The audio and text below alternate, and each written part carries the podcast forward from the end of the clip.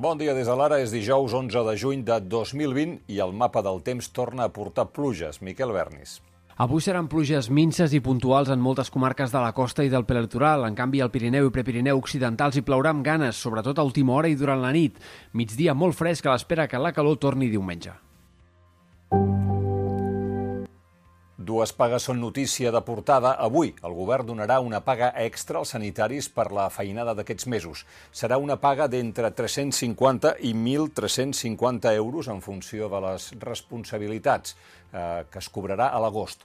Els professionals de les residències també tindran una retribució especial amb un màxim de 900 euros. El govern de Catalunya vol fer un reconeixement a aquests professionals del sistema de salut i residencial que malgrat som conscients, molt conscients, que no supleix l'impacte viscut, és una forma de demostrar també que estem al seu costat, que valorem sobretot aquest sobreesforç que han fet. I a Madrid, el govern espanyol va aconseguir que el Congrés li aprovés l'ingrés mínim vital sense cap vot en contra, amb el vot a favor del Partit Popular i l'abstenció de Vox. Es un momento muy especial para mí. Hace seis años, cuando nació mi formación política, el ingreso mínimo vital era una de nuestras propuestas más importantes y se nos dijo de todo. Es un orgullo como vicepresidente hoy defender aquí una medida que probablemente sea el mayor avance en derechos sociales en nuestro país desde la aprobación de la Ley de Dependencia en el año 2006. La mesura costarà 3.000 milions l'any i es calcula que a Catalunya se'n podran beneficiar unes 100.000 famílies.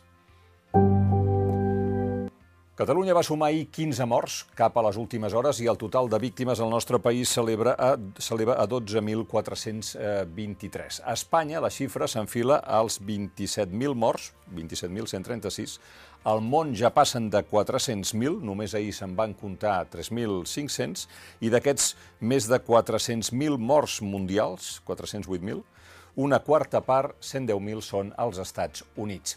I de mica en mica anem sabent més capacitats d'aquest Covid-19. I mireu què expliquem avui.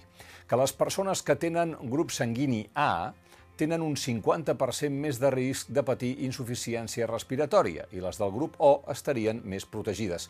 És un estudi elaborat per més de 100 científics de 6 països, entre els quals n'hi ha de l'Hospital Clínic i la Vall d'Hebron. Ho explica Antoni Pou. I sobre el curs escolar a partir del setembre, la ministra d'Educació, Isabel Celà, va anunciar ahir que plantejarà grups de fins a 20 alumnes per aula sense distància ni mascareta. El conseller Bargalló va replicar eh, el Ministeri no té capacitat normativa sobre tot això, ni amb estat d'alarma ni encara menys sense.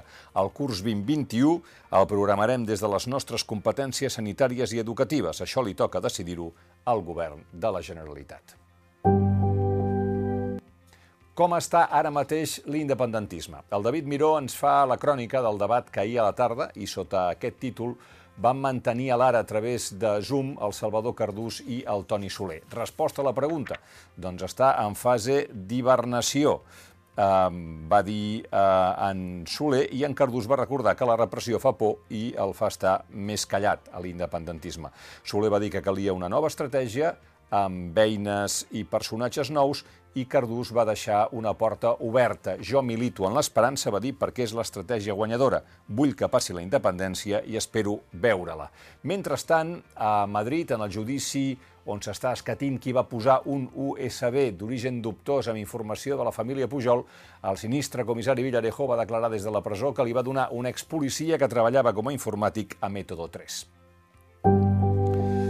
I parlant de la policia, els Mossos aparten l'inspector Jordi Arasa de l'ordre públic i els antiavalots. La mesura arriba l'endemà de la condemna a dos anys i quatre mesos de presó a Arasa per dos delictes de lesions.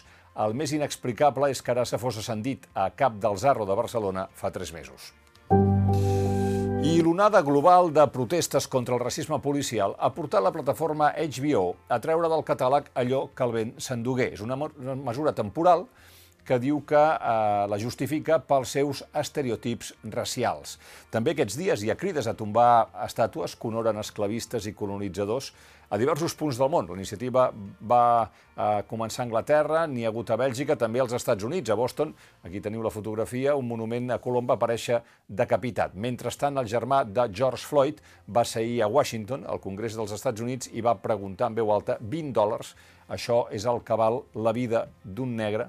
Per cert, sobre la retirada de pel·lícules, en Sebastià Alzamora escriu avui a la seva columna el que és perillós socialment és intentar construir una cultura en què no hi hagi confiança en la intel·ligència dels altres, ni tan sols en la dels propis fills, per desxifrar els matisos llegir les ficcions, especialment si són d'altres èpoques, amb les mateixes ulleres que els titulars de la premsa d'avui i sense voler fer l'esforç de comprendre que no tothom s'expressa de la mateixa manera, ens du, com a mínim, al ridícul, però també ens pot arrossegar, diu Sebastià Alzamora sobre aquesta notícia de la retirada del catàleg d'HBO d'allò que el vent s'endugué, diu que ens pot arrossegar fins a la uniformitat, que és el fonament de l'autoritarisme.